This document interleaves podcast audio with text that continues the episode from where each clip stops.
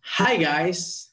Nah, pada sesi kali ini aku akan mewawancarai seorang fans Liverpool, fans garis keras Liverpool lah, yang bernama Andreas. Fans Liverpool itu kan ada yang menyebut dirinya itu Liverpoolian, tapi ada juga yang menyebut dirinya itu adalah Copites gitu kan.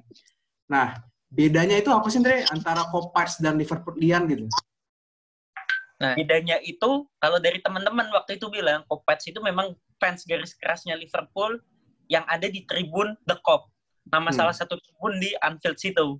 Jadi hmm. orang yang benar-benar menyebut diri Kopets itu harusnya orang yang benar-benar ngecen di tribun The Cop itu yang memang hmm. tempat sakral sucinya supporter Liverpool yang garis keras. Hmm. Sementara kalau memang cuman supporter Liverpool biasa yang memang juga garis keras tapi belum pernah ke tribun The Cop itu kita nyebutnya Liverpoolian. Oke. Nah, terus Andre, uh, dari sekian tahun lah kalau dukung Liverpool kan, berarti kan kau udah sering nobar, terus uh, udah nonton Liverpool langsung di Gelora Bung Karno. Nah, bentuk dukungan paling frontal apa yang pernah kau lakukan untuk Liverpool atau pengalaman paling unik apa sih selama kau mendukung Liverpool gitu deh? Pengalaman unik yang berhubungan sama Liverpool apa yang memalukan, Wes?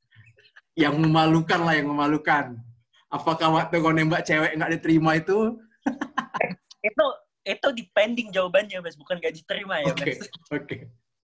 Jadi kalau kalau pengalaman yang memalukan itu, ya ini memang spirits of Liverpool supporter ya. Jadi memang kita dulu sering nobar bareng grup namanya Red Sector. Kalau hmm. sekarang namanya udah ganti, bukan Red Sector lagi kayaknya. Nah dulu di situ tuh mau menang mau kalah kita nge-flare pokoknya. Hmm. Nah kita, sebelum match ingat banget itu sebelum match Derby Merseyside lawan Everton away bilang saya sama ketuanya itu si Andi kalau nggak salah ya mas saya mau nembak cewek nih mas. Bantuin ya mas. Akhirnya kita skemakan kita latihan dulu tuh. Sebelum ceweknya diajak tuh sebelum match tuh kita latihan dulu. Satu satu cafe tuh di briefing semua. Nah terus waktu half time kan biasanya pada nukerin kupon tuh. Akhirnya langsung pada nyanyi-nyanyi tuh. Nah, ceweknya ditutup matanya aku datang kasih bunga set. Udah duduk tuh udah ngechat. Dia bingung nggak mau bingung jawabnya dia udah gue udah gini terus nih mas. Udah gini terus nih. Udah gini terus. Sampai pertandingannya mau mulai itu udah gini terus. Sampai yang ngechat naik terima terima terima itu. Ya. terus dibal dibalasnya apa? Balasnya ya dipending dulu mas. Ya itu masalah itulah masalah lain. Sekarang kalau yang terkait Liverpool beneran itu ada dua momen di mana uh, awak ngebela-belain dari Semarang ke Jakarta buat ikut nobar. Yang hmm. waktu itu match terakhirnya 2013-2014. Musim penentu match penentu kemenangan kita. Kalau kita hmm. menang 10-0 dan City kalah, ingat nggak? Uh, uh. Benar 10-0 dan City kalah, itu sebenarnya awal kan ke Jakarta itu kita nobar di mana itu? Oh di ini La Piazza. Nah di La Piazza. Nah yang yang eh. satu lagi final melawan Chelsea kalau nggak salah. Piala FA ya? Ya yang FA yang kita kalah. Yang di Karo kan? Yang di Karo sundulannya nggak dianggap dianulir. Yang ditangkap sama Peter Judge. Itu pertama kali awak nangis nonton Liverpool gara-gara kalah. Itu kita, eh kita nggak jadi nobar ya. Kita awalnya Nggak, pengen nobar. Aku nobar, nobar ya? Nobar, oh iya, iya, iya. Kemang, di Kemang, di Hard Oh. Itu mainnya jelek banget waktu zaman zaman doning kan doning oper ke tengah karo terus Charlie Adam jangan lupa Bas Charlie Adam. Ya Charlie Adam. Terus ini Andre. Kalau sekarang itu kan kita kayak jago kali kan. Uh, jadi pekan pekan pekan pekan awal aja kita udah bisa jadi juara lah bisa dibilang kan. Nah menurutmu itu apa sih kunci Jurgen Klopp itu makanya bisa jago kayak gini Liverpool gitu loh Padahal pemain-pemainnya kan sebenarnya kalau kita lihat kayak Gini Winaldum itu kan berasal dari klub degradasi. Terus pemain-pemain yang lain kayak Andy Robertson juga. Nah, apa sih sebenarnya kuncinya makanya Liverpool bisa jago kayak gini, Andre, gitu? Kuncinya ya pendekatan secara personal mungkin, Bas. Lebih ke mentalitinya. Bahwa semua pemain itu, klub itu bisa mengeluarkan lebih dari 100% kemampuan pemainnya. Sekarang, tengoklah, mantan pemain klub yang di Dortmund si Smelzer, Jakub Blasnovski atau siapakah itu namanya. Dan pemain-pemain terkenal di eranya klub di era Dortmund itu sekarang udah mainnya di divisi 2 dan divisi 3 Inggris, oh, iya. udah nggak Dan Kayak Kagawa, Kagawa kan, Kagawa, terus si Subotic. Kan, Subotic, banyak ya. Memang nggak cuma satu dua lah yang ternama macam kayak Lewandowski ya, Lewandowski, Reus yang memang world class. Cuman yang lainnya itu memang klub itu bisa memaksimalkan potensi pemain. Padahal dengan pemain tunggu, padahal dengan pemain yang sama kan kayak Smelzer dan juga Kagawa, mereka masuk Liga C pernah masuk Liga Champion kan yang kalah lawan Bayern itu kan. Betul. Sekarang kita logikanya seperti ini aja. Henderson itu sangat vital di tim kita. Tapi Iya. kalau misalnya Henderson di Arsenal, belum tentu dia jadi starting eleven. Iya, guys. iya. Arsenal loh. Kayak pemain kesayangan kau juga lah, Andre kan, Gini Wijnaldum itu kan. Gini, Gini Wijnaldum. Bisa, Pemain bisa loh. Kadang-kadang main jelek, kadang-kadang main bagus banget. Kok, kok ingat nggak waktu main Barcelona si Arthur atau siapa gitu yang dikolongin dia itu waktu Iya, iya, iya, iya. Ya. itu itu gila coy kok jadi kok jadi kayak Luka Modric kayak gitu dia gitu. Kalau kamu dari ya sebenarnya si Wijnaldum itu bagus, Bas. Kalau kalau dia diberi kebebasan macam kalau waktu dia di Belanda. Kalau di Belanda dia kan jadi attacking midfielder, pre-roll. Jadi ngegolin banyak, assist banyak. Sementara di klub dia di sistemnya klub dia harus uh, disiplin, jaga bola, umpan harus nggak boleh terlalu ambisius. Mungkin karena sistemnya itu. Iya. Jadi dia menganggap itu kayak semua pemain itu sama ya kayak dia pun waktu kalau nggak salah waktu Philip Coutinho mau pindah itu kan dia bilang kan kau itu kalau misalnya pindah ke klub lain kau itu nggak akan jadi pemain sespesial kalau misalnya kau bertahan di Liverpool gitu kan. Betul. Buktinya juga udah di Barcelona dan di Munchen juga gagal si Coutinho itu. Iya padahal sama-sama juga malah waktu di Liverpool teman-temannya kurang nggak terlalu jago kayak teman-temannya di Barca kan sebenarnya. Oke guys, sekian eh, tanya jawab dengan Andre. Tapi di sesi kedua ini aku pengen kasih pertanyaan cepat nih ke Andre nih. Oke Andre siap ya? Ya, Nah kalau jawabnya itu nggak usah lama-lama, jangan kayak nembak cewek yang kalau ditolak itu lama kali. Oke ya? sekarang belum ada jawabannya kayaknya, Bas. Oke, Andre, secara cepat. Pemain paling kau sukai di Liverpool dari dulu sampai dengan sekarang itu siapa? Daniel Lager. Kenapa? Alasannya? Karena mainnya kalau saya kalau awak main di lapangan besar itu juga mainnya di posisi belakang dan sering bawa bola ke depan. Dan Oh. secara teknik Ager itu pemain bertahan yang paling komplit kalau dia tidak dirundung oleh cedera. Mungkin 11-12 sama si Virgil van Dijk. Iya, ya. tendangannya pun kencang ya. Di musim 2013 pun kan dia mau dibeli sama Barcelona. Iya, iya, iya. iya. Betul, betul, betul. Oke, pertanyaan kedua, Andre. Kalau misalnya Jurgen Klopp itu pindah atau pensiun dari Liverpool, menurutmu itu siapa sosok paling tepat untuk menggantikannya? Jose Mourinho, Bes. Mak, udah nggak jago lagi, Andre. Tapi klub idolanya si Mourinho itu Liverpool, Bas. Tapi nggak membosankan menurutmu. Mourinho itu kan lebih ke main defense kan? Nah, coba bayangin dengan defense Liverpool yang baik sebaik sekarang, gelandang tengah yang disiplin seperti sekarang, dan striker yang punya kecepatan seperti sekarang. Bayangkan skema Inter Milan-nya Mourinho, atau Chelsea-nya Mourinho, atau Real Madrid-nya Mourinho di Liverpool.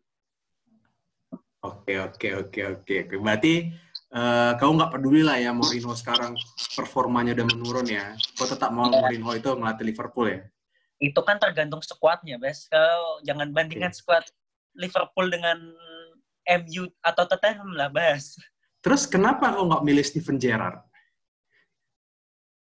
karena kurang pengalaman, Bas. Janganlah romantisasi pemain legenda dijadikan pelatih berikutnya. Kita udah ngelihat itu di sosok Kenny Dalglish. Ya memang di first tenure-nya di awal tahun 90-an sukses. Tapi setelah itu Hmm. waktu dia take over lagi di 2011 itu juga nggak jago-jago amat kan, Bas. Karena Oke. cara taktik udah beda. Permainan udah berbeda dari zaman dulu.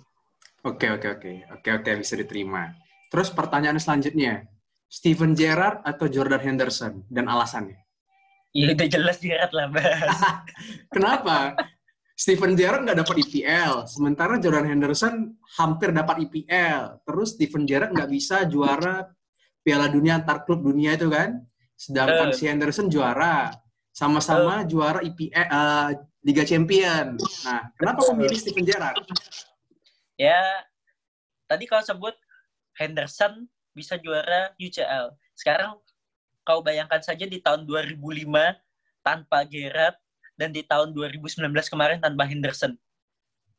Kemungkinan kita dapat champion lebih besar di 2019 dibanding 2005 karena di 2005 hanya Gerrard yang mengangkat Liverpool dan trofi setelah itu yang kau ingat trofi FA FA ya, tendangannya itu ya. Luar bukan biasa. tendangannya itu kan finalnya dijuluki Steven Gerrard match Dua gol dia kan kalau nggak salah. dua dua gol dan satu assist kalau nggak salah dan di situ kan si Gerrard itu satu-satunya pemain yang bisa mencetak gol di final champion final FA final Carling dan final UEFA jadi di semua final tuh dia selalu mencetak gol big game player guys dengan Iya sekuat yang seperti itu Iya. Karena kalau Henderson kan zaman sekarang itu kebantu kan sama Fabinho, sama Salah, Mane kan. Betul. Jadi peran jarak lebih krusial lah ya menurutmu ya. Tapi sebenarnya Henderson krusial juga sih, Bas.